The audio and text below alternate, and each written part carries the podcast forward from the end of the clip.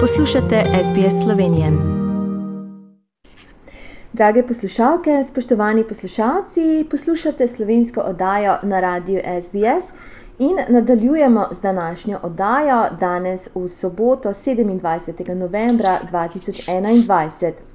Ostajamo v Melbournu in sicer bomo sedaj se pogovarjali z vsem dobro znano slovenko, avstralsko slovenko, članico sveta Ministrstva za slovence v zamestvu in po svetu in predsednico sveta slovenskih organizacij v Viktoriji, to je Frances Urbas Johnson. Lep pozdrav.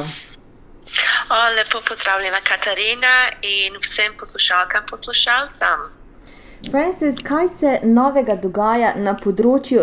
Slišala sem, da ste imeli sestanek, da ste se uh, slišali z vsemi organizacijami, a se kaj dogaja ali ti ne, je bolj zatišje sedaj po COVID-u. Yes, that's right, Katarina. We had our first meeting of the Council of Slovenian Organisations of Victoria on Saturday, the 20th of November, so last week. Uh, it was wonderful because it was the first time that we have had a meeting in person since uh, these um, numerous shutdowns that have been occurring here in Victoria. Our last meeting was actually back in April, which was over video. So it hasn't been since the start of this year that we've been able to, to get together with all the members of the council and have a face to face meeting. So it was wonderful to see everybody that, that was able to attend and to discuss um, how the clubs are going. As you said, you know, coming out of COVID, there are so many of you know um, celebrations and events that are that were cancelled. Of course, it was very disappointing that we missed out on Jadran uh, Club's 50th anniversary uh, back in mid-October, which unfortunately had to be postponed. And yeah, we, we certainly missed. I think all the clubs, the the general consensus was that we very much missed having all of our members at our clubs and celebrating all these, these special events throughout the year.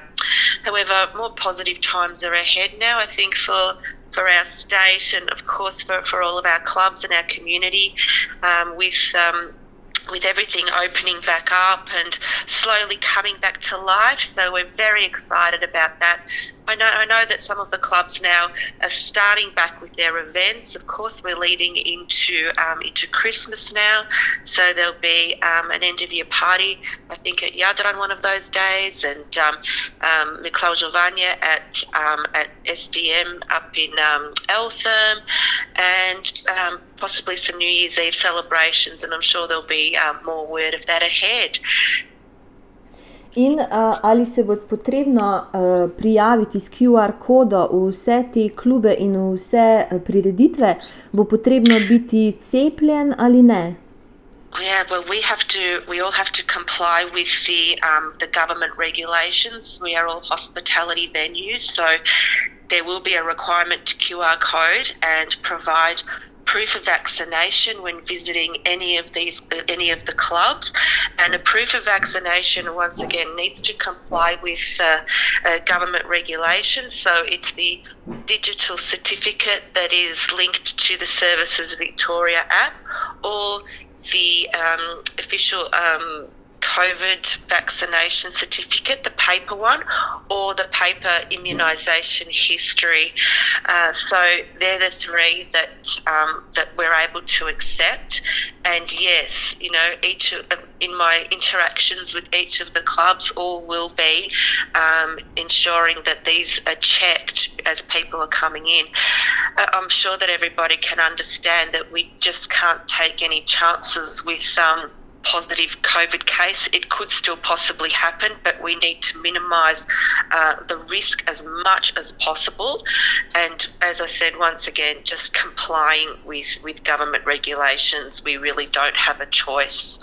Um, however, you know, um, so far we've um, uh, we you know we're we've already started. I know that at Eltham um, they've already started um, with these um, regulations, and um, slowly, you know, everybody's getting used to it. So I'm sure that you know everybody has also been interacting out in the community and with restaurants and also getting used to these these new procedures and I'm sure that all the clubs will also have A bit of support on hand if anyone's having trouble with linking a linking an app or linking their um, their digital um, proof of vaccination certificate to their app. So there's always a helping hand around too if anyone's having any issues. So they can also just let us know.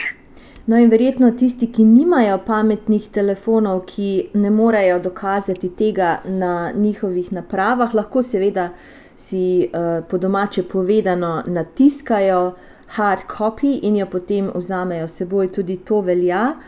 Um, ja, tako da, aj imaš še ti kaj za dodati, to bo verjetno tudi sprejemljivo. That's correct. Yes. So as I mentioned, the paper documents the the um, proof of vaccination COVID certificate, the paper one, and also the paper immunisation history. So three different types. First is the um, the the digital certificate on the smartphone, as you mentioned. Secondly, the paper COVID certificate, or thirdly, the paper immunisation history. Mm-hmm. And but they're the, as you said, the official ones. So three different types that the government will currently allow as um, as official proof of vaccination. No, in da se sedaj preseliva na naslednji vikend, na naslednji konec tedna, in nas bo obiskal vsem dobro znani mož, uh, sveti Miklaš, ki bo prišel tudi na slovensko društvo Mel Melbourne v Eltham. Kdaj bo to in kaj se bo dogajalo? So we're very excited that he's um, back with us for another year. Um, on Sunday, the 5th of December, uh, the Slovenian Association Mel- Melbourne up at Eltham will um, have a have a lunch um, for Sveti Miklaus, which starts at twelve thirty. It's a two course lunch, and of course drinks are available. And then yes, after lunch at around two thirty, um, Sveti Miklaus uh, will, will grace us with his presence and also hopefully with some presents. so uh, we're we're very much looking forward to that. Last year we had a we had a wonderful event. Um, this year, the, yeah, we're the it's already about two thirds booked. There are still some some um, uh, lunch reservations available. Uh, so if anyone's interested, uh, they are most welcome to make a booking with Lynn Belts. Um, if you don't know her phone number, you can um, call me and I can pass that on to you.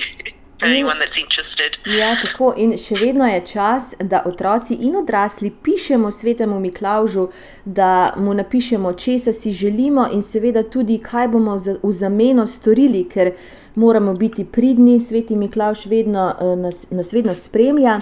In če v primeru, da nismo, bodo pa parkeljni poskrbeli za to, da nas podučijo. A bodo tudi parkeljni v Eltonu? Well, we, you know, like you said, there's. Um... in in this world and in this life, you know, there is good and there is bad, and you know, it's all about a, a balancing act. so yes, the, the the devils the devils will be there, but you know, on the other hand, there will also be you know perhaps an angel or two to, to balance it out. So yes, I would advise that you know everyone is on their best behaviour, and I hope everyone's been on wonderful their one best behaviour and most wonderful behaviour throughout the year. Um, Sveti McCloush, of course has been watching everybody, so you know he'll be on the lookout on the day. We're lucky. Um, in a way to to um, you know live in a, in a community where we where we get to celebrate our tradition and our heritage of, of you know Slovenia and and having this Sveti Miklaus and I know that when my children were very young they thought it was fantastic because there were presents at the start of um, December and presents at the end. So um, it's wonderful it's wonderful you know keeping this this culture cultural event and this heritage alive and letting our future generations enjoy it as much as we always have.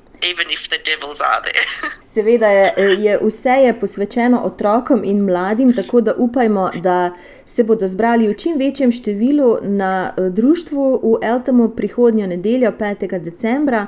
In seveda se ti najlepše zahvaljujem, Francis, da si eh, danes pokramljala z mano in delila vse te informacije z našimi poslušalci. Eh, ostani zdrava in seveda se vidimo v Eltamu. Oh, thank you so much, Katerina. And I wish you all the best too, and, and to all the listeners.